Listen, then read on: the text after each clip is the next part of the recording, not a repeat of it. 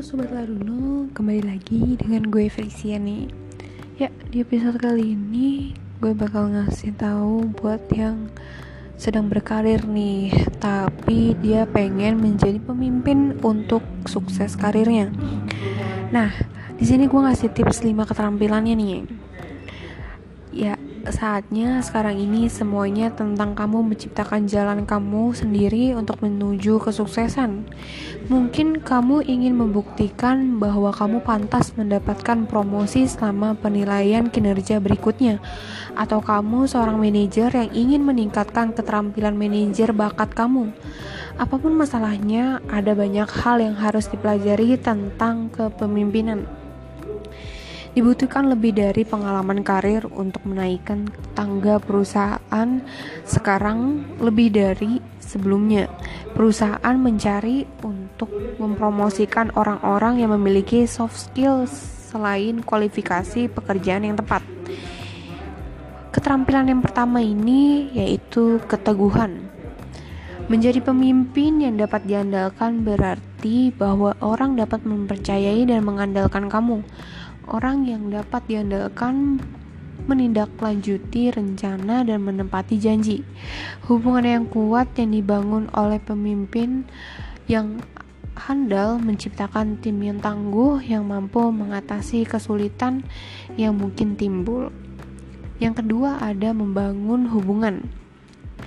Kepemimpinan membutuhkan kemampuan untuk membangun dan memelihara tim individu yang kuat dan kolaboratif yang bekerja untuk tujuan yang sama. Membangun tim membutuhkan kekuatan kepemimpinan lainnya seperti keterampilan komunikasi yang efektif dan resolusi konflik. Yang ketiga, kelola secara efektif.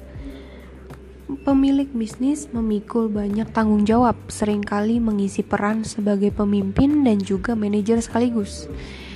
Meskipun manajer dan kepemimpinan adalah istilah yang sering digunakan secara bergantian, definisinya sedikit berbeda.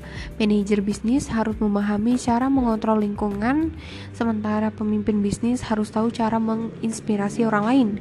Keterampilan kepemimpinan dapat membantu pemilik usaha secara efektif mengelola organisasinya, menempatkan perusahaan pada posisi terbaik untuk menciptakan kesuksesan.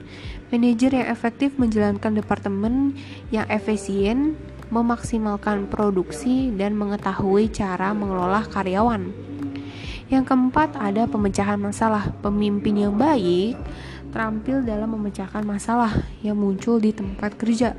Pemecahan masalah yang efektif sering kali mengharuskan kamu tetap tenang dan mengidentifikasi solusi langkah demi langkah. Jangan panik.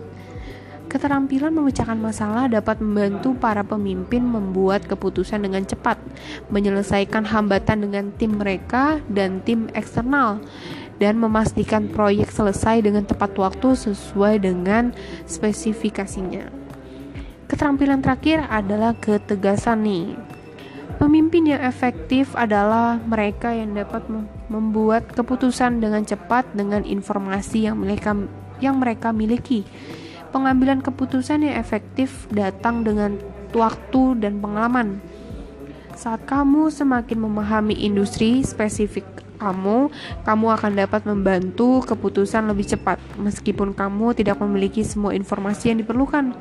Ketegasan dipandang sebagai keterampilan kepemimpinan yang berharga karena dapat membantu menjalankan proyek lebih cepat dan meningkatkan efisiensi. Nah, itu dia 5 keterampilan pemimpin untuk sukses karirnya. Bagi kamu yang sedang memimpin karir kamu, dan pengen sukses nih coba deh 5 maksudnya gini cobalah 5 keterampilan ini gitu maksudnya. Ya mungkin sampai sini dulu. Makasih udah dengerin podcast kali ini. Jangan lupa selalu dengerin podcast lainnya di episode lainnya oke? okay, 拜拜。